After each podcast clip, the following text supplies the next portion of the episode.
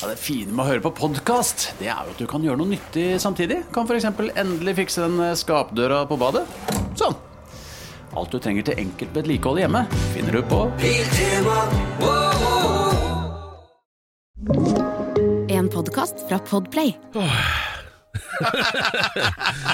Eh, Halla, Alex. Hall- Hallo, god morgen. Ja, god morgen, god morgen. Jeg sitter, dag. jeg sitter og tenker Vet du hva, En ting som slo meg for første gang nå denne uken, her Det er at eh, jeg kommer til å savne deg når du drar til Mars.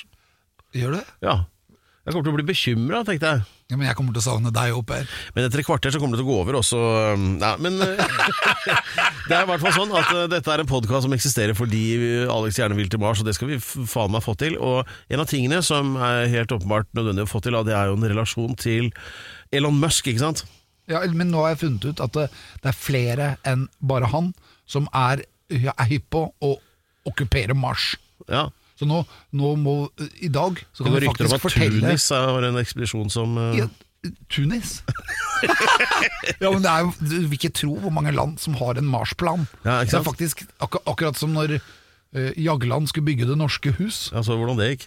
Ja, Eller eh, at eh, Jens Stoltenberg skulle fange all CO2-en Ja. i car carbon, carbon capture. Ja, Nå er han opptatt med å proletarisere oljefondet, da. Men Men akkurat, sånn, Ja. så, akkurat sånn så er det flere små land i verden som har erklært og utbasunert at de skal til Mars. Ja, men- og, og, og det skal vi få svar på i dag. Ja. Så i dag blir det en ja, dritspennende det, dag. det kommer til å handle om så mye rart. Men jeg skal fortelle deg én ting, og det er at det, er så mye om å gjøre, og jeg viser en bitte liten åpning mellom pekefinger og tommel. Veldig lite om å gjøre som uh, Bare tilfeldigheter gjør at ikke jeg og Elon Musk vokste opp sammen. Nei, Jeg har oppdaget det nå. Fordi, du nei, er jo egentlig vokst opp i Drammen, men, Nei, nei, nei. Men, det kunne vært Sør-Afrika. Vi må lenger tilbake, fordi at uh, Elon Musk sin mor, May Musk Ja. Hvor er hun fra, tror du? Du som er så glad i små tettsteder? Ja, hun er fra et tettsted utafor Trondheim. Nei, nei. Saskatchewan, Canada. Oi. Og der er også mutter'n fra. Og du og jeg vi har vært der da vi var i Canada, i Edmonton, og da, sånn tur Ja, med noen ja. djevelutdrivelser. Så, da... sa jeg, så pekte jeg på et skilt og sa Alex, der nede er mutter'n født. Og da sto Ja, det husker Saskatchewan jeg. der. For det skjer jo hver gang vi er ute og reiser. Så er mutter'n er ikke alltid mutter'n, men noen. Ja, men det er noen. Ja, men, eh, og der er også mora til Elon Musk fra, så det, det, mest sannsynlig så er dette familier som kjente Du hverandre. vet hva jeg har sagt til deg før? Du må ta DNA-test. Ja, bør i grunnen det, så da Men så skjedde det jo forskjellige ting, da. Og han via omveier endte opp i California, og alle kan ikke være like heldige. Jeg for min del endte i Drammen. Gratulerer. Ja, Så der har vi noe å gå på. Alex Rosén reiser til Mars.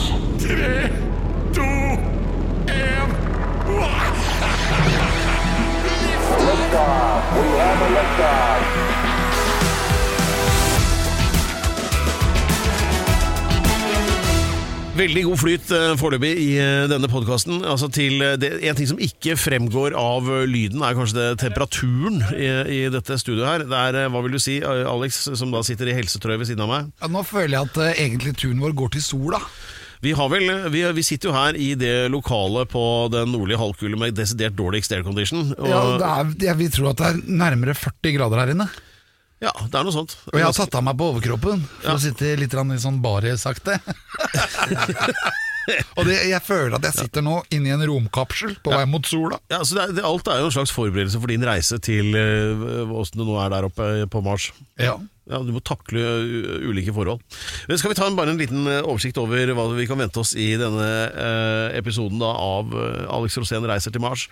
Eh, det vil bli kåret et nytt ukens tettsted, og Det vil det. vi lover eh, nervepirrende spenning rundt den kåringen der. På høyde med forrige tettsted, Våtvoll, Ja. så vil vi få et tettsted som er er, enda heftigere. Ja, Der er det ting vi må ta opp.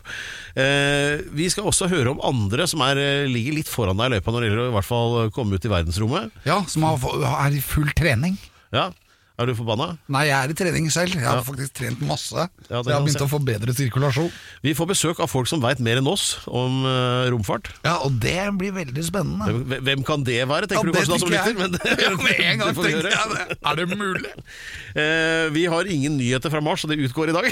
Jo, vi har noe. det skjer noe. ingenting. Ja, men Det var et- en rakettoppskyting forrige uke. Ja vel, ålreit. Da tar vi det da, som, da tar vi nyheten allikevel. Da. Eh, og så er det litt da om eh, denne lista da, som disse 100 grunnene til at du bør være den rette å plukke ut til en sånn ekspedisjon til Mars. Der har du sikkert tenkt ut en grunn på det, og så skal vi jakte litt mer på Elon Musk, og så er, skal det være litt lov og litt forskjellig. Vet du hva, Per? Nå gleder jeg meg. Men altså tilbake da til altså, denne personen som eh, altså, Det er en eh, kamerat på 39 som heter Nima Shahinian. Han har teama opp med russere han, for å bli med de til eh, månen, og da heter det vel Hva heter det der? Ko Luna. kosmo Luna. ja, jeg tenker på kos kosmonaut, er ikke det de sier? Kosmonaut? Kosmonaut, ja. Ja. Eller kosmolets. Da er du både romfartsekspert og soldat. Du, men du har aldri tenkt den muligheten der, å henge deg på russerne? Jeg jeg var en gang i Russland på tur med Berserken, og da husker jeg at jeg fikk tak i en livbåt fra Russland. Og den Åh. gikk til høl med en gang. Og jeg, jeg blåste den opp, og så skulle jeg liksom redde meg sjæl, og så sank jeg med en gang! Så jeg bare tenkte sånn Nei, jeg skal ikke reise med russerne. Ja, De har en litt, annen, sånn, litt mer avslappa forhold til HMS der borte. Ja. Det er lov å røyke i verdensrommet når du er sammen med det. Ja, Hvordan er det, forresten? Det er egentlig helt ulovlig, for det tar jo opp oksygen, og du blir ikke kvitt røyken. Ja, så er det vel eh, Ja, riktig. Så, men du, du har slutta å røyke nå, har du ikke det? Igjen? Jo, jo. Ja. Men da, nei, Så da er ikke det noe å tenke på. Nei, fordi eh, det er også da sånn at uh, allerede i andre halvdel av 2023, altså et drøyt år, så skal altså Nima da til eh, Skal vi se, Først så var det romstasjonen ISS. Og var det ikke månen nå, da? Tror Det er bare en liten omvei, er det Ja. ikke? Nei, det er, ø, romstasjonen er omveien. Det her er tydelig at nå roter vi igjen, så jeg tror vi bare tar og fyller på kaffen, og så får vi inn en som har peiling. Skal vi gjøre det? Ja. Ja, denne podkasten 'Alex Rosén reiser til Mars' er jo åpenbart noe som resonnerer dypt i den norske folkesjela, som jo består uh, altså av uh, utforskertrang og uh, ikke sant? Altså, jeg tenker både på vikinger og Nansen og i det hele tatt, altså, så det er jo klart det resonnerer. Og ikke minst jern. hæ? Jern det er det grunnstoffet det er mest av på jorda, Ja. og det er det mest av på Mars òg. Nettopp. Og i din kropp. Du har jern i kroppen. Ja, Forutsatt at du spiser nok kaviar. Men, eh, men det var ikke det som var poenget. At eh, Vi hører jo også om andre som er engasjert i romkappløpet på sine vis, som, som Nima nettopp, som skal være med russerne til eh, i hvert fall til ISS. da. Eh, og nei, det er ikke det du tror, det er altså den internasjonale romstasjonen vi snakker om. Men så fikk vi altså en henvendelse da fra eh, en eh, førsteklasses romnerd, eh, antar jeg, og så skal vi få utdypet den typetegnelsen litt etter hvert. Eh, og det er Jarle Steinberg. Ja da! Der sitter han og er student ved NTNU, eller det vil si nå i Canada på et eller annet studium som heter noe med space. Hva heter det igjen? System Engineering for Space Applications. Så da lærer du Der om det. det å bygge satellitter og på en måte det å legge grunnsteiner for romferden vi skal inn i nå. Men Jarle, hvem er det du er? Jeg er vel en av de sånn dypeste romengasjerte personene. Sånn drivkreftene kanskje bak New Space som vi nå skal inn i. Være med å bygge da sivilisasjonene på Mars, på månen, og virkelig ta menneskeheten til nye høyder. Hvordan endte du opp med å få Jeg ble bare helt lamslått med en gang. Jeg. Jeg, jeg blir bare imponert. hvor, hvor gammel er du? 24. Ja, Og allerede så vet du mer enn resten av den norske befolkningen til sammen om rom, verdensrommet? Etter, I hvert fall etter at Erik Tandberg døde, da. Det er fordi det er så gøy. Ja, jo, men eh, det er imponerende. Så, så hva er din eh, mission in life egentlig i forhold til verdensrommet? Redde menneskeheten. Oi, fy faen. Yes! Og det er så deilig å når du legger lista sånn skikkelig høyt. Ja, men Det er det som er min grunn til at jeg sitter her også. Du har funnet, eh, vet du hva, du har funnet din, din uh, Tenzing. Ja. Hvis du er Tenzing, Sir det var han som hjalp, hjalp han første opp på Mount Everest. Sir Edmund Hillary. Ja. Han var skjerpa. You're hired, er det Alex sier. Ja. Gratulerer. Hvor, hvordan skal vi gjøre det? Nei, Vi gjør jo veldig mye av det allerede. Så for Da vi eh, kom opp med GPS-systemer, så gjorde det at båter kunne dra mye raskere og mye mer rett over havet, og man sparte enorme tonn med CO2-utslipp. Bare det at båter gikk mer effektivt. Um, det at vi nå driver og finner ut hvordan vi kan dyrke mat i verdensrommet, gjør at vi kan løse sultkriser. Man ser veldig mye forskning på kreft og vaksine som oppstår i romsammenheng. Um, laseroperasjon var et direkte resultat av det at man måtte lære seg å snakke mellom satellitter i verdensrommet ved hjelp av lasere, som gjorde at vi kunne begynne å bruke det på å operere øyet som også da beveger seg veldig fort eh, og må trackes veldig nøye, da, sånn som satellitter må gjøre med hverandre i verdensrommet. Så vi ser at vi kommer enormt langt, og FN også mener at nesten alle bærekraftsmålene må løses med satellitteknologi. Ja, Også CO2, som er en klimagass som gjør at jorden får økt temperatur. Mm. Nå har jeg kommet meg for øre at de holder på å lage en rakett som skal bruke CO2 som drivstoff. Uh, ja, hvem av dem er det? Det er en rakett. Jeg vet ikke hvilken av det. Jeg har jo sett mange bilder av mange raketter. Men jeg tror den er under oppfinning nå. Og jeg så at Elon tvitret om det. Ja, du har jo den blant annet en som bruker vanndamp, som også, man har veldig mange forskjellige rakettsystemer. Ja, For den her skal bruke CO2. Det skal være en sånn collection samle opp CO2 i atmosfæren, som nå er, det er altfor mye av det der. Og så skal det brukes som drivstoff, og så skal den raketten slippe ut oksygen. Ja, Det er fantastisk. Ja, det det er det. akkurat det vi må gjøre. Ja. Men det fins raketter som går på damp, sånn som de gamle toga. Sånn, pst, Det finnes raketter som går på De, de første sånn- rakettene de gikk på alkohol, så det var uh, tyskerne som bygde både vetoraketter. innvendig og utvendig. Ja. Ja, og de hadde problemet med at folk drakk så mye av drivstoffet, så det var ikke alltid nok til å fyre opp raketten. Det, er som i, det er som i Sverige, vet du. der er det sånne bensinpumper. For de har jo sånn bioetanol vet du, som de kjører bilene på der. Som heter E85. Det er på sånne pumper på bensinstasjon. Og der er det ofte da på i helgene særlig, så er det jo, finner du noen tenåringer skrudd inn på den pumpa der. ikke sant? Men eh, Så det problemet forstår jeg jo, og særlig det, La oss håpe dette er en teknologi som ikke når Russland, for at da er de raskt ute av kappløpet. Eh, Men eh, hva mener du om Alex sine sjanser om å komme seg til Mars? Nei, Det syns jeg er superengasjerende, og det er jo akkurat nå du må stille de spørsmålene og begynne å forberede deg. Når han på en måte er- begynner nå, så er jo han klar når billettene legges ut. Når legges den ut, tror du? Det er veldig vanskelig å si, men akkurat nå så bygges det jo masse um, store romstasjoner, og NASA driver og bygger romstasjoner for månen, som de skal skyte opp i 2025. Um, Jeff Bezos driver og bygger store romstasjoner nå, som han skal også skyte opp rundt jorda. Kina har masse romstasjoner. Så vi er på en måte nå Det som ble gjort tidligere, var at store stater på en måte bygde ting for forskning, og så kostet det så vanvittig mye så ingen andre på en måte fikk brukt det, fordi det var helt ute av prisklassen. Men nå så har oppskytningsprisene blitt så billige at du kan nesten skyte hva som helst. Så nå begynner folk å på en måte bygge seg sommerhus. Det er nesten. et reelt alternativ til hytte i Blindleia, det sånn kostmessig. Definitivt. Og da er det ikke så stor forskjell om måte, den hytta går rundt jorda, eller om den sender den retning Mars og på en måte begynner å bygge noen sånne liten koloni der borte. Ja, og da trenger du ikke å tenke på strandsone og sånn i forhold til å sette opp anneks. Nei, da er det jo veldig fritt vilt på hva du skal ta og ikke. Ja, men Du vil jo være litt begrenset, for du må vel holde deg innafor et visst område for at det skal gå i det hele tatt. Ja, du burde jo antageligvis det, men du kan i utgangspunktet det er eh, first come, first serve. Men, men eh, tilbake til Alex, da, som er eh, vår, vår eh, mann. Astronaut, vår astronaut. Ja, ja. For, å, for Han mener det virkelig. Han vil til Mars. Han vil ikke på sånn blikkbokssatellitt sånn rett utafor stratosfæren her. Han skal på langtur. Ekspedisjon. Uh, dessuten har han levd et liv hvor det altså Du sier billetter. Alex har aldri eid en billett i hele sitt liv. Han har bare vært på gjesteliste. Uh, eller prata seg forbi vakta.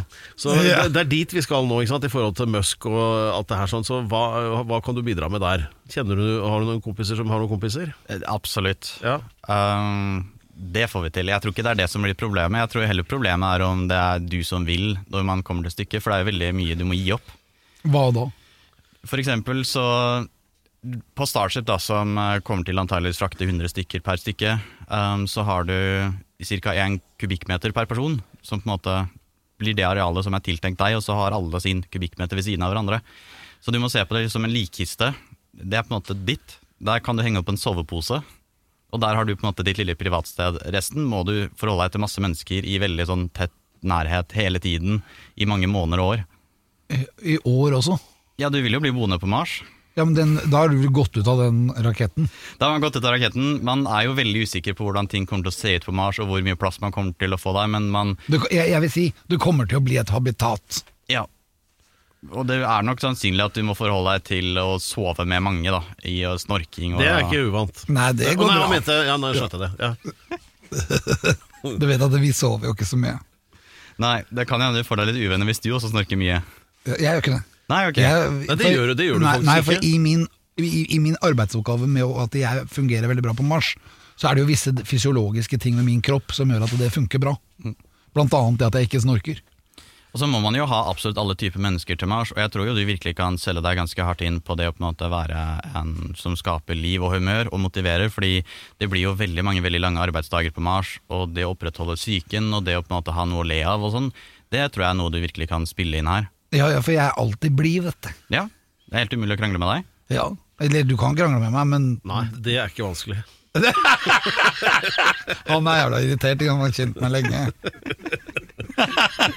men det er jo ikke bare Elon som skal til Mars, det var flere, sa du? Det er mange, så NASA driver nå også og begynner å forberede. De skal først og fremst til månen, men de har tenkt seg ganske rett til Mars etter månen. Og Jeff Bezos driver og bygger nå også masse romstasjoner, og han bygger også kjempestore egne raketter. Skal han også til Mars? Jeg jeg bare skyter inn at det, Jeff Bezos, altså sjefen for Amazon Amazon. Ikke sant? Ja. verdens rikeste til nest rikeste mann, litt Ja. avhengig av eh, kursen på Og dagen. kursen på børsen. Men uh, han skal også til Mars. Han er mest ute etter å tjene penger, så han på en måte drar dit hvor økonomien drar han. Så han er veldig interessert i det å begynne å bygge um, asteroidemining og utvinne mineral på månen, fordi du har jo mye asteroider, og de inneholder veldig mye av veldig spesifikke råstoffer som du kan finne på forhånd. Og da kan du på en måte finne ut at oi, her vil jeg ha et fjell med dette dyre råstoffet, og da slipper du barnefabrikker og masse gruvearbeidere med skitne lunger, og på en måte du får en mye renere industri da, som heller ikke har noe miljøutslipp ute i verdensrommet, fordi da kan du slippe ut hva som helst uten at noen bryr seg. Ja. Så um, han kommer til også å bygge en helt enorm industri rundt det vi ser nå. Man begynte med disse rakettselskapene, altså SpaceX begynte jo veldig tidlig på 2000-tallet, hvor de begynte å utvikle rakettene og sånn, og nå har det tatt nesten 20 år til de har blitt operative. Men det de har gjort, er at oppskytningsprisen har blitt såpass lav at nå kan nesten hvem som helst begynne å skyte opp ting til verdensrommet. Så Så også- du har jo tenkt å skyte opp noe. jeg er med på noen studenter. Vi bygger en selfiesatellitt som, eh, hvor vi har kjøpt oss plass hos SpaceX. Selfiesatellitt! Kan bare ta bilde av meg? Hva, hva, hva, skal den gjøre? Den skal ta selfier i verdensrommet, så den har en skjerm, og så har den et kamera som er rettet mot skjermen. Og så kan du laste opp bilder av deg selv oppå den skjermen, så får du bilder med jorden i bakgrunnen. Og det gjør vi Du for får, du får et bilde av et bilde av deg selv med jordkloden i bakgrunnen. ja, Det vil, vi vil jo kle deg kjempebra, Pedro. Det, er jo, det er jo too good to be true. Og det gjør vi jo for å skape litt engasjement og på en måte vise de nye mulighetene. For når, du på en måte har, når det er mulig å bare på en måte sende opp noe som bare gjør noe gøy, så skal det ikke være noe forskjell på deg og på en måte en sånn selfie-satellitt. Det er jo samme funksjon. Ja. Vi har det gøy. Vi har det gøy. Men jeg hørte jo, eh, det, og det er jo en stund siden også, at eh, nå sier du at gud og hvermann kan eh, fyre opp sånne satellitter, så det kommer til å være tettere enn haramøkk oppi der. Og er det ikke et problem med sånn space junk, altså at det er for mye skrammel som bare suser rundt kloden og lager problemer av en eller annen grunn? Altså det blir kollisjoner mellom Men det er jo så satellitter og svært. Ja, men er, Dette har jeg jo hørt som, som et Altså, reelt problem. nei, nei. Han- Dette er- Si du, hold kjeft. han Alltid er det et problem, liksom. Alex, det er ikke du som er eksperten nå, det er han. Det er Jarle som kan det her. Største problemet er sånne som Russland som leker med våpen og på en måte begynner å skyte ned sine egne satellitter for å vise at de kan det. I Og da, want to send up this satellite. ja, da ender det opp med å bryte opp noe i masse bitte små biter som blir store problemer, for da har du på en måte plutselig en bombe da, som har eh, gått av. Og det er man veldig skeptisk til. Ja. Så da kan du plutselig med to satellitter som på en måte er et par tonn i størrelse, så kan du plutselig ha 50 000 småobjekter som eh, kan ødelegge masse andre Ja, for jeg så for meg verdensrommet så tettere med sånne gamle satellitter enn sånne gamle handlevogner i Sandvikselva. Liksom. Altså det er at de er overalt, da, men det er kanskje ikke helt sånn. Om litt så skal vi få innblikk i hva som er vi, Du slipper ikke unna ennå, Jarle. Vi har masse vi skal ta opp med deg. F.eks. en vurdering av Alex' altså fysiske, psykiske og erotiske muligheter til å komme til Mars. Det tror jeg blir Eh, spennende. Men før det, litt om du, tettsteder og diverse. Hei, Du hei, Du må nok være litt erotisk, tror jeg. Ja, rolig nå, Alex. Ukens tettsted. La oss begynne denne ukens kåring av tettsted med to unnskyldninger. Eh, Det ene er bråket. Vi har satt opp døra fordi det er 648 grader inne i studio her pga. at aircondition rett og slett ikke virker. Og den andre er til dere som ble opp... Kan du ta telefonen her, Alex? Nei.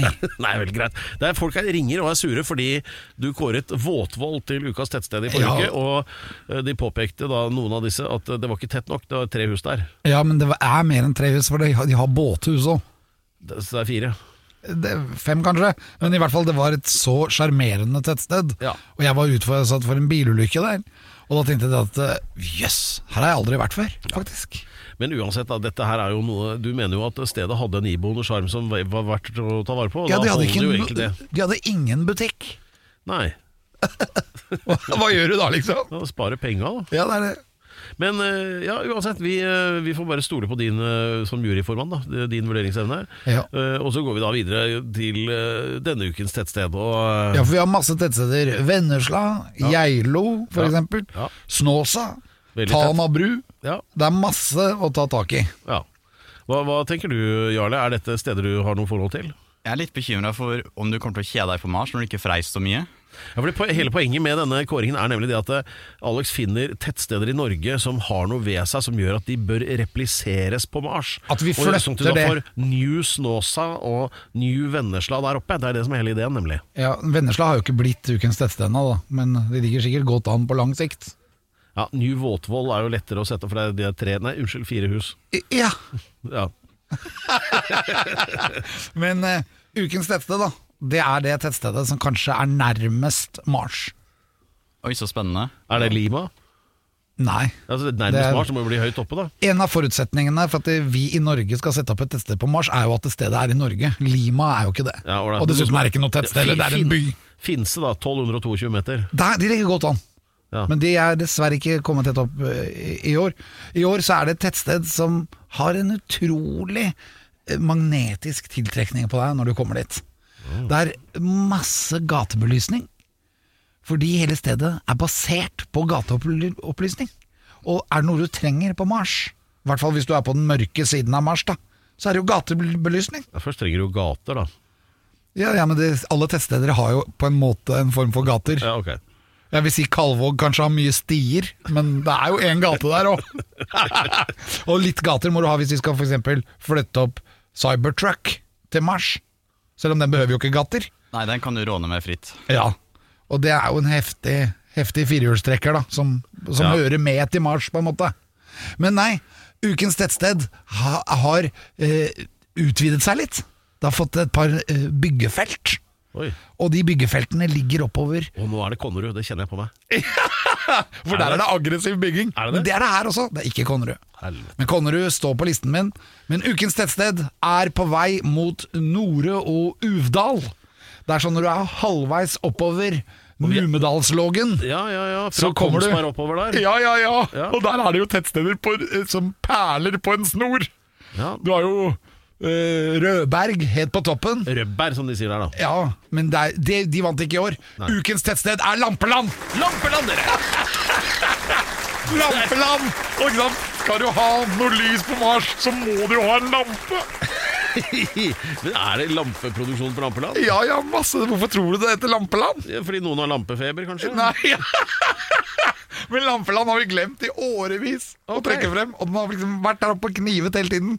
Har du vært på Lampeland? Aldri, men jeg tror jeg må dra dit. Ja, du må dra opp dit fordi at det har noe ved Mars i seg. Ja, hva, hva da? Hva har du opplevd der? Menneskene som går der. Jeg har gått og lufta bikkja mi der. Altså jeg tenkte sånn, jøss. Så, det, det, altså, du bor i Bærum, og til Lampeland da snakker vi liksom to timer kjøring, så du dro dit for å lufte bikkja?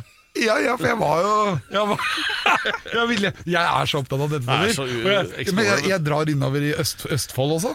Fordi nå, Oslo er omringet av tettsteder. Og de er helt utrolige. Ok, Du dro til Lampeland med bikkja, og hva Ja, skjedde? der hadde de tre-fire butikker. Da. Det var faktisk så stort at det, det er ikke lenge før Lampeland blir lampeby. Men alle var ikke lampebutikker. Nei, men de har noen nydelige lampebutikker der. Fordi de vet hva de driver med. Det er lamper. Det er som om du skulle ha kommet til Bodø, og det heter Fiskeby. Så er Lampeland Det er, det er rett og slett Lampeland. Ukens teststed, mine damer og herrer. Da, da, da. Lampeland. Noe av det som er så fint med podkast, det er jo at du kan høre på samtidig som du gjør noe annet. da Rydder i kjelleren eller boden, f.eks. Og alt du trenger av flytteesker og oppbevaring, det finner du på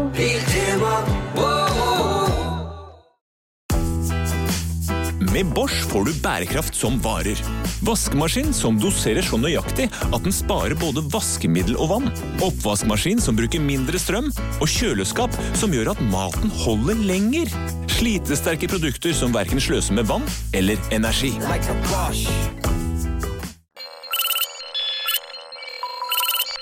Hva skjer på Mars i dag? Ja, altså Morten, dette er nyheter fra Mars, og vår toppsak i dag er eh, Det veit ikke jeg. eh, Så da, men nå er vi så heldige Alex, at vi har Jarle her. Ja, og så da- vi er, denne spalten eksisterer jo fordi at vi vil vite hva skjer på Mars akkurat nå. Så det Ja. er ekstra spennende. Eller denne uka, da. Eller, ja. Og på Så- Mars så skal det da bygges byer. Ja, det, men hva skjer altså Skal, ja. Men uh, Jarle, hva vil du trekke fram av begivenheter denne uka som er verdt å legge merke til uh, ved Mars? Nei, det må jo være internettutbyggingen de er i ferd med å begynne på nå. Det at eh, de har begynt å lage Starlink, som også er et av selskapene til Elon Musk, som lager eh, satellittnettverk med gigabyte i hastighet som du kan ha hvor som helst i hele verden. Som du også kan bruke på både månen og Mars for å kunne spille og se på TV. Men er det, Ja, men det er ikke- game, det er jo ikke så mange gamere, altså potensielle kunder av dette internettet på Mars akkurat, for det er jo ingen der. Nei, ikke akkurat nå, men når du først drar Jo, dit, så er vil jo at du har det. Det er jo noen der, Pedro, da, du er jo ikke oppdatert. Hvem da? Uh, Preservance. Den er der, og man har eh, flere andre biler. Kina er også kjører rundt på um, Mars med sin rover, og det tar så enormt lang tid å laste ned opp og ned data.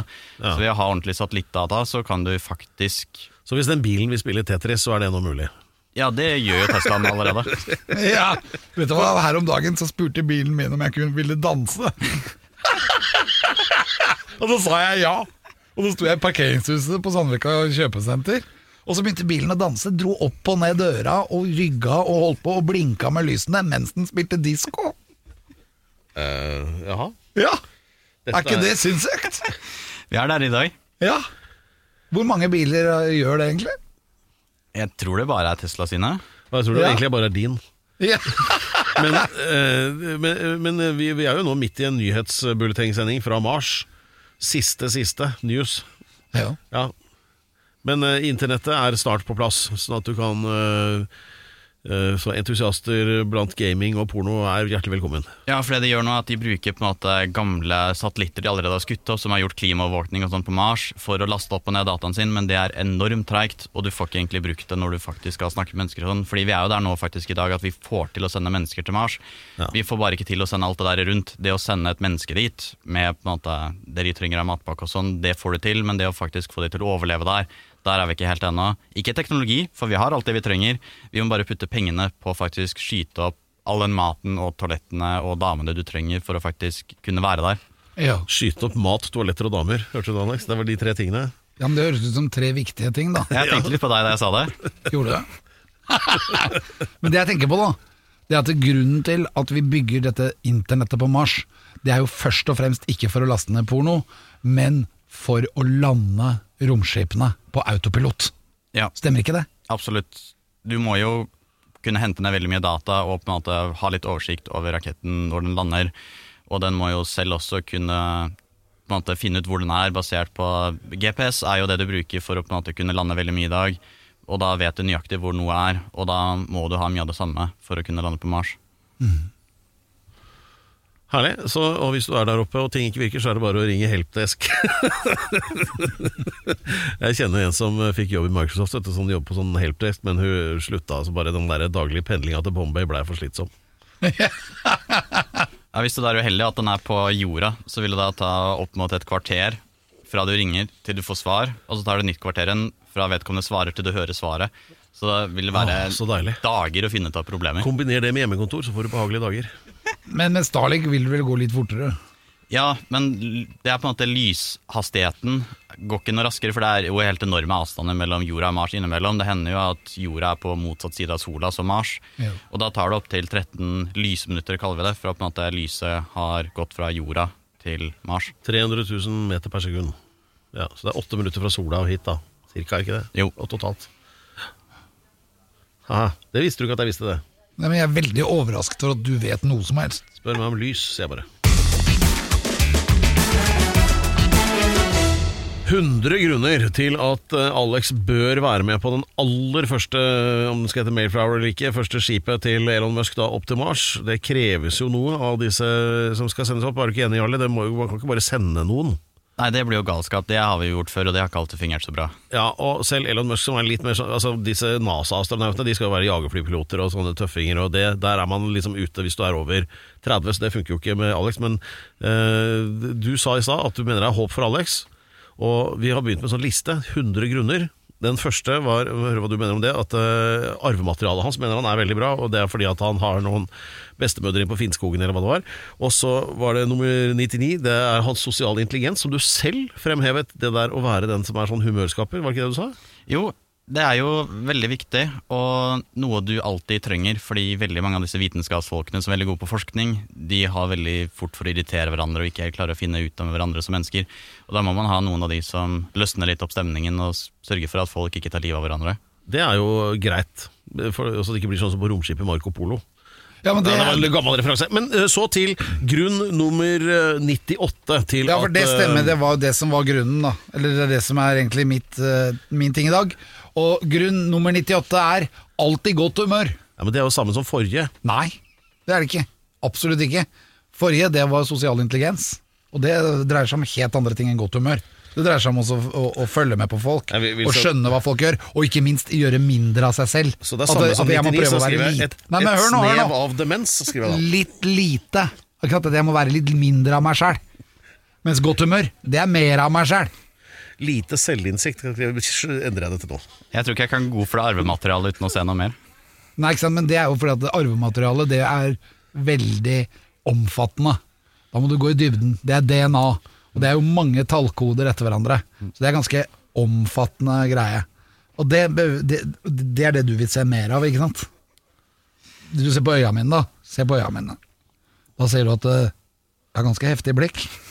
Ja, altså, bare for eventuelt nye lyttere, for jeg bare påpek her at eh, Jarle Steinberg, som er gjest her, han studerer altså på høyt nivå et eh, fag som inneholder ordet space i Canada, og har derved altså mer peiling enn noen andre vi vet om. Eh, og han rister litt på hodet nå, Alex. Du må- For hva da? For godt humør? Nei, godt humør, det har du. Ja. Men jeg er jo litt usikker på om du kommer til å trives der oppe. Hvordan da? Nei, du har jo f.eks. ikke noe alkohol. Du mister veldig smakssans fordi hjertet ditt er veldig vant til å konstant pumpe blod opp fra beina dine. Men når du er i verdensrommet, så begynner på en måte alle kroppsvæskene å flyte veldig mye fritt. Så Flytefritt. ja, du når du går på jorda, så på en måte, trekkes jo alt ned av seg selv. Ja. Mens På grunn av tyngdekraft. På grunn av tyngdekraften, som vi er veldig glad i. Men når du plutselig ikke har den på samme måte, så begynner kroppsvæskene å drifte mye mer fritt også i ansiktet. Men det er jo tyngdekraft på Mars, er det ikke det da? Jo, Eller- ca. en tredjedel av det vi har her. Ja, men, men ikke nok til å holde kroppsvæskene på plass? Vi har ikke vært der, så vi vet ikke helt, men det vi vet er at under mindre tyngdekraft så trekker det veldig mye blod i, på en måte opp i ansiktet og tetter til mye av smakssansen og bihulene våre. Men blir du ikke litt lattermild da? Ikke sånn veldig, du blir bare mer irritert over at ting ikke smaker så mye. Ja, For du får mindre smak. Du får mindre smak, Så, Så- er veldig vanlig med veldig sterk mat. Så gå for sånn lapskaus vindaloo, da. Ja, Lapskaus blir det veldig mye av, du kan jo generelt ikke ha så høy standard til mat. Nei. Det blir jo veldig mye Toro og poser og eh, hurtigmat. Det må jo ikke være Ja. sånn. Det er, jo, det er jo terror. Men Det må jo være greit å ha med noe som smaker litt, vel. Alex for eksempel er jo bolognese-entusiast. Ja, altså jeg er veldig bra i- med, med bruk av habanero. Ja, Hvis du er veldig glad i å spise det, så kommer det godt med, for det blir jo veldig mye av det samme. Man har ikke så mye tilgang til frukt eller uh, ferske matvarer. Men det har kommet meg for øre at man skriver ut mat. At vi kommer komme noen 3D-printere hvor du skriver ut en burger, og så smack, så har du en burger. Da er det bare å legge på litt ekstra pepper, da. Ja, Vi har kommet veldig langt inn i 3D-teknologi, både det å printe blodårer og eh, det er også veldig mye av det som har med mat å gjøre. Så når det begynner å flyte, når væskene begynner å flyte ut av kroppen, så bare printer du et par blodårer for å dra det inn igjen. Og det er sånn, og bare kjente jeg en ting som eh, eh, Jeg skal jo ikke dit, men ville ha irritert meg noe veldig over. Du snakker om det med at nå skal de da ha 5G-internett eller hva det var for noe oppe, oppe på Mars. Og så skal du da printe ut uh, maten. Gjett hva som skjer da når du er dritsulten. Ja, det er kø på printeren. Fy faen. Tror du det blir det? Terror. Jeg tror det blir mye kø uansett. Det blir jo veldig mange mennesker som skal gjøre akkurat det samme. Du har jo ikke mange toaletter, da, for eksempel. Så det blir jo fort å stå mye i kø når du skal gå på do, pusse tenner, få deg litt privatliv. Men tror du ikke alle kommer til å ha hver sin do? Nei, det har du ikke råd til. Det blir jo veldig mye deling. Du, du må jo holde kiloene nede per person. Så da må du dele mest mulig for å spare mest mulig totalvekt. Ja, men For å unngå sykdommer og sånn, så vi, kanskje det blir sånn at alle har hver sin lille kopp å tisse i, og så går det med sånn ledning inn til en s- s- do, Ja. og så går det derfra ned, og så blir det gjort om til væske til vann som du kan drikke igjen. Det gjør det, det er en av grunnene til at du ikke kan ha noe alkohol på da, internasjonal romferd, fordi alkoholen er veldig vanskelig å sile ut da, når du kjører gjennom sånn uh, resirkulering. Ja, så, det, så den ødelegger. Ja, Så det er eget munnskill til og med uten alkohol. Da er et spørsmål om hvem det er som definerer hva som er ikke-alkohol. Som for eksempel eh, i Frankrike så var, det jo, så var det jo tillatt å servere alkohol til skolebarn frem til inn på 80-tallet, altså til skolelunsjen. Eh, og det er også sånn at eh, Men, men, eh, men nå, nå er det forbudt da for eh, statsansatte i Frankrike å drikke i arbeidstiden, med unntak av øl, vin og brandy. Så det er litt sånn hvem som lager reglene her, da. Kommer du til å, være med og lage de reglene? Jeg kan i hvert fall selge meg til disposisjon hvis man vil ha meg med. Det blir jo veldig mye man må finne ut av. Reglene er jo veldig sånn tungvint. For eksempel så er det noe statseid, alt du skyter opp. Så hvis du på en måte blir skutt opp nå, så vil du være eid av norske stat. Ja. Det så var gøy! Du er eid av norske stat, Alex. Og det skjer med en gang du blir skutt ut, eller? Ja. Hvor skjer det omtrent? Nei, det skjer i på en måte idet du kommer opp i verdensrommet. Du kan ikke, du kan ikke ha noe privateid i verdensrommet. Og på en måte da ligger ansvaret Da blir det på en måte Jonas Gahr Støre som må gå god for at uh, du ikke tar livet av noen. Men hva skjer da med Starlink? Det er jo eid privat. Det er eid privat, men hvis Starlink krasjer i noe annet, så er på en måte det et amerikansk problem og ikke et SpaceX-problem. Så Kina bruker det nå for alt det er verdt mot USA, fordi Starlink holder hele tiden på å krasje i Kina har mennesker som også på egen romstasjon går i bane rundt jorden. Tre stykker akkurat nå, og der er Starlink nå flere ganger nesten holdt på å krasje inn i romstasjonen.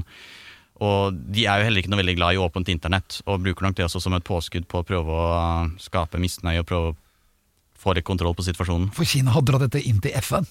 Kina har dratt inn til FN, og det er også veldig unikt. Man har ikke fått den type kritikk opp i FN før. Så det er helt nye problemstillinger som man begynner å ta stilling til nå. Hva skjer om faktisk SpaceX med en satellitt tar livet av en kineser? Ja, hva skjer da? Da blir, da blir, da blir du forbanna, dere. Ja, det tror jeg blir kjempeproblemer. Hmm. Ja, ja, nei, det var det jeg tenkte på i stad med sånn der, eh, søppel i verdensrommet. At det, for meg så ser det ut som alle disse satellittene som en sånn eh, radiobilbane på tivoli. Egentlig bare virrer rundt. Eh, snart skal vi få greie på hva Elon Musk bør få greie på om kort tid. Ja, dere, jakten er i gang, og Jarle, det er sånn at vi mener business når det gjelder å få tak i Elon Musk. Og, Vi kan ja, kalle det sånn The Hunt. En gang til. The Hunt. Ja, noe sånt. Og øh, Vi oppfordrer jo alle våre lyttere til å komme med innspill og tips på hvordan få tak i Elon. Og Vi har laget en sånn øh, Ja, du kan få høre den hvis du vil. En, en sånn jingle, da. Hvis du tar på deg headsetet der. Eh, som, hvor, og, men dette er liksom, dessverre så var det Alex som tok jobben med å lage den, så den ble kanskje litt annet, noe annet enn du regna med. Men den måtte- går sånn. Bare Hysj, Alex. Det måtte være sånn at folk hadde lyst til å møte den, da. Den måtte være litt erotisk, var vel egentlig det du sa. Nei, det digg. Ja, ja. Ok, sånn er den. Alex. Alex Rosén vil møte Elon Musk. Kjenner du Elon? Si ifra at Alex er på vei. Han kommer til Texas om en måned eller noe. Kanskje senere. Ta kontakt med Alex på Instagram. Alex Rosén reiser til Mars. Alex Rosén reiser til Mars. En gang til. Han kommer til Texas om en måned eller noe. Ja, du sånn der- sa det, han gjorde det. Ja, nå skal han dit på torsdag. Ja. Ok. Ja, eh, men hva, Men hvorfor det? Hva skal han gjøre? Da kommer det en helt ny oppdatering om Starship. Og da, På torsdag? på torsdag klokken tre om natten, norsk tid, så skal han eh, komme med en helt ny plan på hvordan vi skal til Mars, og hvordan rakettene skal fungere. Da kommer han til å være der, han kommer til å kunne ta imot spørsmål. Og jeg har flere venner som kommer til å være der og snakke med han, hvis det er noe du vil jeg skal ta videre. Eh, Vent litt, nå var det mye på en gang her. Eh, Ja, svaret på det er ja på alle de tre tingene du nevnte. Ja. Og uh, Alex lager nå Du skal ta fram kulepenn, du kan få min. Så, så skri, begynner nå å skrive av Hallo. Så uh, altså Elon Musk skal da til, hvor sa du? Texas? Han skal til? Texas. Han har begynt å bygge en rakettfabrikk i en sump på en strand, hvor han sveiser sammen metallplater, sånn helt utendørs, med et par eh, hundre stykker. Og disse fyller han med drivstoff som han um, Han tar ut CO2 og eh, metan og oksygen fra atmosfæren, skiller det, um, putter inn disse her tankene han setter opp i sumpen, Ja. og har tenkt å skyte opp til Mars. Og da, midt i hjertet av dette så skal han da stå på torsdag og kunne ta imot spørsmål fra offentligheten om eh, hvordan vi skal eh, komme dit. Men Og skal dette, du- men, men dette her, her er en del av det å, å redde jorden fra global overoppheting. Definitivt. Men du, du har kompiser som skal dit, var det så? Ja, jeg er med på um, Driver med opplæring på, en måte, på um, rommet og hvordan rakettmotorer fungerer, med masse youtubere som jeg er med og skriver manus for. Manus til Altså, Nå lagde vi nettopp en dokumentar om russiske rakettmotorer på en og en halv time, som bl.a. Elon Musk syntes var skikkelig kul, som er en av de beste dokumentarene du finner der ute om rakettmotorer fra Russland. Antakeligvis Og også jeg har sett et par som er ganske bra. Nei, jeg har ikke det. Men, Men, ja, skal du og jeg reise til, Ma nei, reise til Elon nå? Ja, vi kan det hvis du vil. ja, men nå må jo du skrive opp Jeg har altså, skrevet opp masse! nummeret ditt, da, skjønner du vel, litt Ja, ja, fjøs, så at kan han kan ta det med til Du skal, han skal få nummeret mitt, eh, Ja, så kan Pedro. de ta så Du kan bruke samme metoden som på da vi back in the day hadde Det var litt vanskelig å få med Arne Treholt, husker jeg, på et sånt prosjekt også. Hva var det du brukte som argument da? Da sa jeg det at hvis ikke du blir med på dette her, Arne, så kliner jeg til deg. Ja. Kan det funke? Han pleier å ha med mye livvakter og sånn. Jeg vet ikke om han er så veldig redd for akkurat deg. Nei, Man bør ikke være redd for meg. Nei, du må ha en annen. Du må ha, nei, det er bedre med de 100 kronene, men de er vi ikke helt ferdig med. han behøver ikke frykt for å få med meg. Jeg er med uansett. Ja, Du er sånn som sniker deg med sånn eh, hijacking. Ja, Men jeg regner med at jeg må ha for en jobb der, da. Ja, det må man jo håpe. Ja. Jeg kan ikke bare være dødvekt. Nei, men Du kan ta så smør på litt tjukt og si at du har fingra dypt nedi oljefondet og et eller annet sånt, og så sier du ikke sant, så kan komme over og så tar vi en cola. Så, da, for da er jo Bare du får prata med henne, Alex, så er jo dere i gang, dere. Ja, jeg, jeg kjenner masse folk. Men nå må du skrive en lapp som Jarle kan ta og gi til disse kompisene som møter Elon på øh, øh, torsdag i en sump i Texas, hvor han står og sveiser sammen metallplater med karbonader og, og sånn neongass. Det er vel stort sett Er det ikke rustfritt stål? Det er rustkrystall. Der emaljen heter eh, 304L. Å ja, den, ja. Jeg syns jo personlig at 307 er Men uh, Men, Har, har, har du sett det? Ja, Hvordan fungerer det? altså du kjøper en dritstor rull med metall, og så ruller du den ut, og så klipper du den opp i biter, og disse bitene sveiser du sammen. Og så tar du disse bitene som du har sveiset sammen oppå hverandre, og så er du der. det høres ut som sånn øh, da vi lagde julepynt på skolen. Ja, litt sånn Men, do- men da brukte vi Det er dorull. diskokule, høres det Det ut er som. en blir. dorullnisse, bare at den er 9 meter i diameter, 120 meter høy, Ok, jeg og skal kunne frakte 100 mennesker til Mars. er ikke i nærheten av å skjønne poenget med dette her, men i hvert fall så skjønner Hundre i jeg hver. at Hun- Hundre folk i hver. 100 folk i hver, og han har jo tenkt å bygge ca. 1000 stykker eh, i første omgang for å da så kunne sende én million mennesker på Mars i løpet av de neste ti årene. Det er så Ja, bra. men da må det er du- så bra. Jeg blir så du- glad. Nå må du skrive brev til Elon, så begynner du med helmaks Elon, og så, så, og så det du tenker å få til der, Du skal få det. Her, vi har aldri vært så Nei, dette kaller jeg et gjennombrudd i letingen etter Elon, Alex. Ja, det, det kaller jeg det også. Det er bare å gratulere Jarle Steinberg fra tettstedet Steinberg. Han er, han er, han er eh, som eh, Robin to the Batman for deg nå. Ja, Han er din, eller du er vår Laika. Ja. Nei, det er ikke så bra. Nei, det Nei, var det ikke var- deg. det- det var ikke så bra. Det var han andre kameraten, for han skal vi sende opp først, bare for å se at han overlever. Laika var en løshund som ble sendt opp for å dø. Ja, den ble vel enda løsere. Og, ja, det, var, det var, synes jeg var jævla råttent gjort av russerne.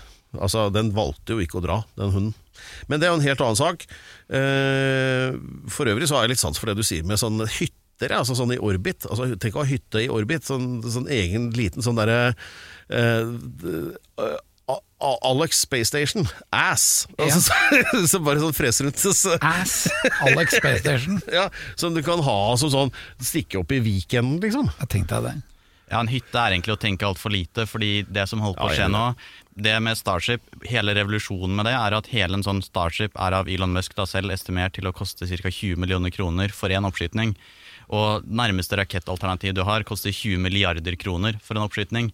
Og den sender opp mye mindre, så her kan du betale 20 millioner for å sende opp 150 tonn med hva du vil. Og når du sender opp et par sånne, la oss si at du da på en måte bruker 200 millioner på en sånn oppskytning, så kan du sende opp så mye at du kan bygge enorme romstasjoner med det man kaller gravity rings, som er på en måte en sirkel som spinner rundt i samme hastigheten. Som gjør at du har tyngdekraft Som gjør at du har tyngdekraft, du har- bruker sentrifugalkraft for å kunne gå normalt og leve så normalt og trene, og det gjør at du ikke taper så utrolig mye muskelmasse. Her lukter det Få med Stordalen på å lage sånn der resort, da. Ja, da kan du ha et Mars Resort hvor du faktisk på en måte Du må ha det for å få folk Ja, men Mars er så langt unna. Det, er det holder at det er i verdensrommet. Det blir ass, Begge deler. Ja. ass, spa og space. Space Spa. Det er, det er bra, da. Hæ? Space Spa. Jeg hadde dratt på det. Ja. Jeg, vet du hva, jeg, vet du hva, helt alvorlig talt, jeg gleder meg til fremtiden. Ja, Vi er i fremtiden allerede. Dette skjer akkurat nå. Vi kommer til å høre mer om det på torsdag. Åh. Ja, for fremtiden, det er nå og nå og nå og nå. Sånn er det jo. Så lenge det er lineært. Det er jo ikke alle som mener. Som for jeg eksempel de gleder som meg til hver har sett litt dag, mye jeg. På Doctor Who. Jeg er så Eh, glad jeg nå. Nå må jeg pause. Ukens kjærlighetserklæring. Ja, den eh, dype, pirrende følelse av love du føler nå, det er um, endorfinene vi har injisert i den jinglen du nettopp hørte, og også herværende Alex som renner over av eh, Jeg vil si kjærlighet. Så Kjærlighet. enkelt. Skal Kjærlighet. sies. Og trenger å få liksom eh, ja, spredt dette, da. Som en, eh, som en slags byll som må stikkes hull på. Du må spre kjærligheten din utover. Jeg må det. Ja. Det er litt av min greie. Og den her er kjærligheten jeg skal spre utover det norske folk akkurat nå. Ja. Den kommer fra mitt indre. ja. Og det dreier seg om noe vi har snakket om allerede i dette programmet, nemlig Laika. Ja. Laika var jo denne hunden som blei skutt ut i verdensrommet, som faktisk den første levende vesenet som entret verdensrommet. ja. Og så døde den fordi jeg hadde glemt aircondition. Ja, det er så trist. Jeg husker jeg, det, det, var- det tok meg skikkelig Jeg var liten da jeg hørte den historien første gangen og tenkte stakkars bikkje, hva skal de med de rakettene? For jeg har en hund, og jeg vet jo hvor glad du kan bli en hund. Ja, Hver morgen jeg våkner, så ser den på meg med sånn forelsket blikk. Har du og så lest ser jeg at den er så glad i meg. Har du lest Per Sivles 'Berre ein hund'? Bare en hund. Det burde du gjøre. Ja. Mm. For det er bare en hund, men den har en sånn forhold til meg som gjør at jeg bare må ta vare på den og, og gi den mat. Så denne kjærlighetserklæringen går til min hund Happy. Ja. Den er så søt. ja. Og så er den blandingsrase. Så den har litt beagle, som er sånn bjeffebikkje som løper etter rodder. Og så har den litt malteser, som er sånn som Aylar har med seg i veska. Malteser, er ikke det en falk?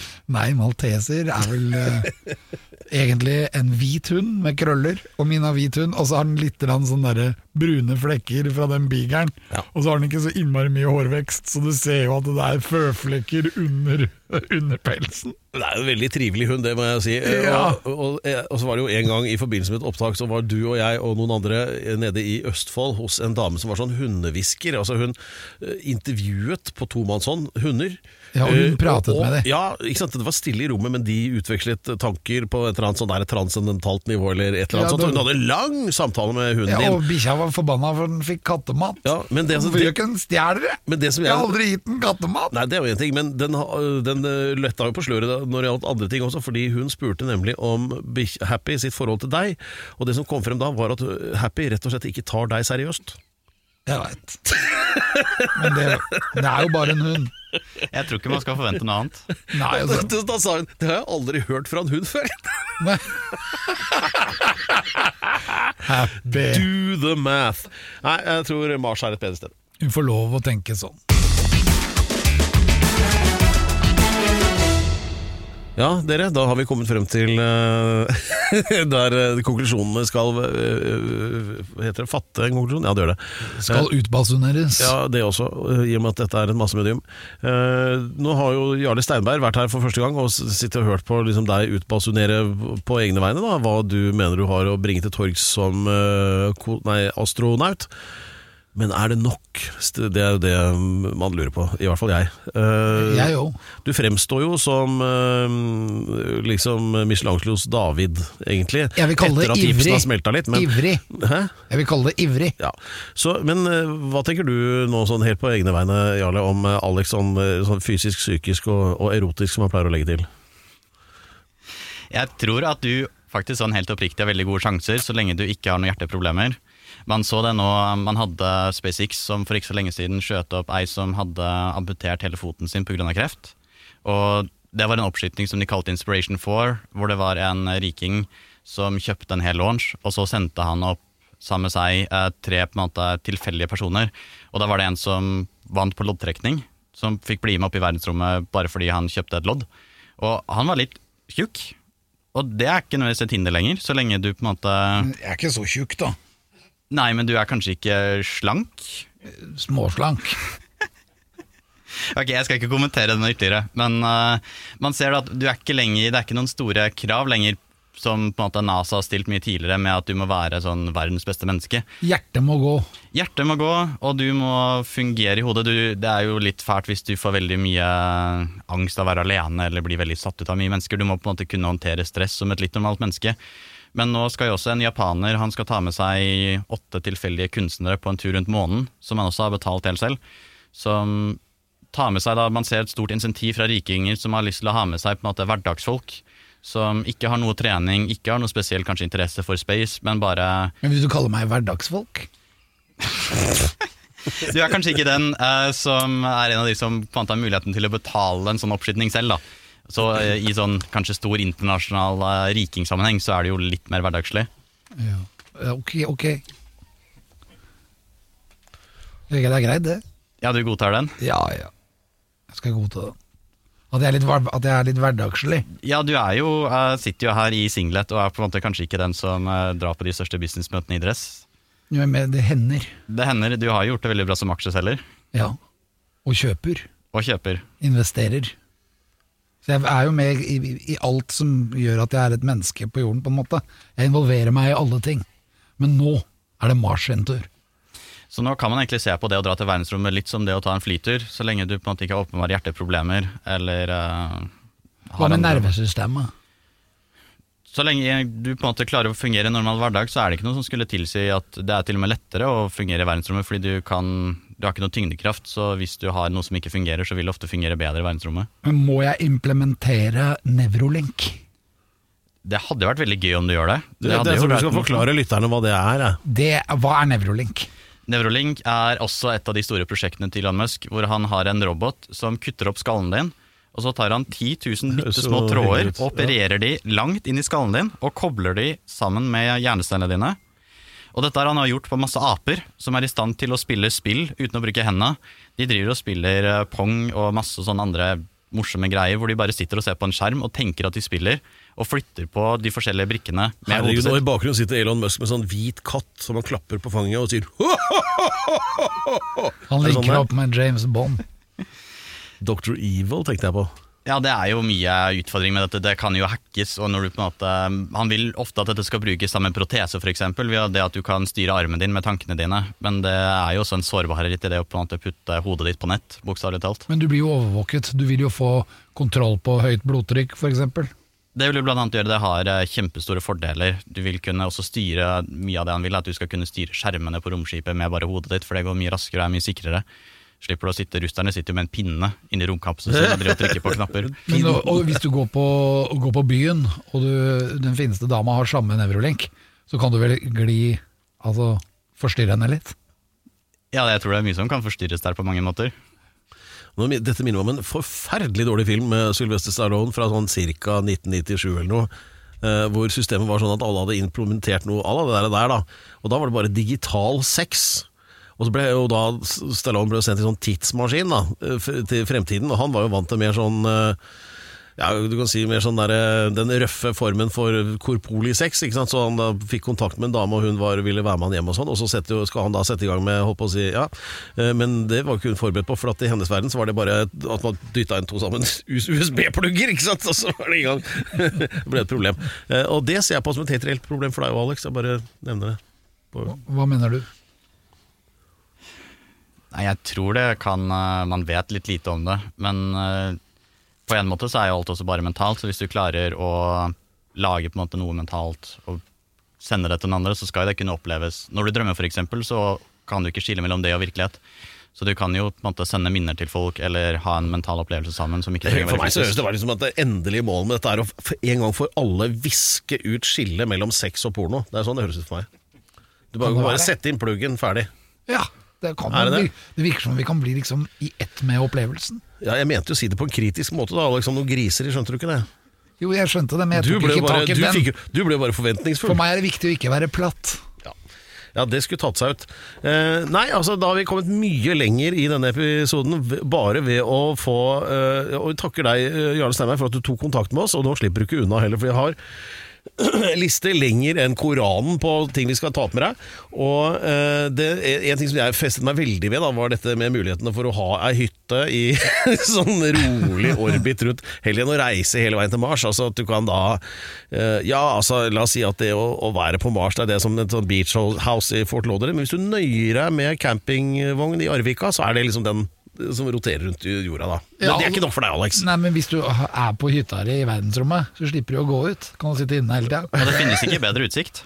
Nei, det er, det, det er bare oppside. Da, da, kan jeg tenke meg, da blir jeg med, Alex, hvis du får ei hytte i, um, sånn, i, som går i da, bane over jorden. uh, Over da det utvalgte tettstedet. Da. Du går i bane over Våtvoll, f.eks. Ja. Folkens, jeg tror vi har en plan. Har du fått han litt på glid? Ja, jeg ser Ja, det. men det går over. Ja, mine damer og herrer, tusen takk Takk for i dag. Det har vært helt fantastisk. Og ikke minst, tusen takk til Jarle Steinberg. Takk for at vi fikk komme. Det var veldig veldig gøy å drive og nerde litt med dere. Det var veldig morsomt. Også tusen takk til teknisk ansvarlig, og ikke minst researcheren vår, Lance Ness, the one and only. Og tusen takk til vår eminente programleder, Pedro Gianfranto Loca della la Hustados Horn.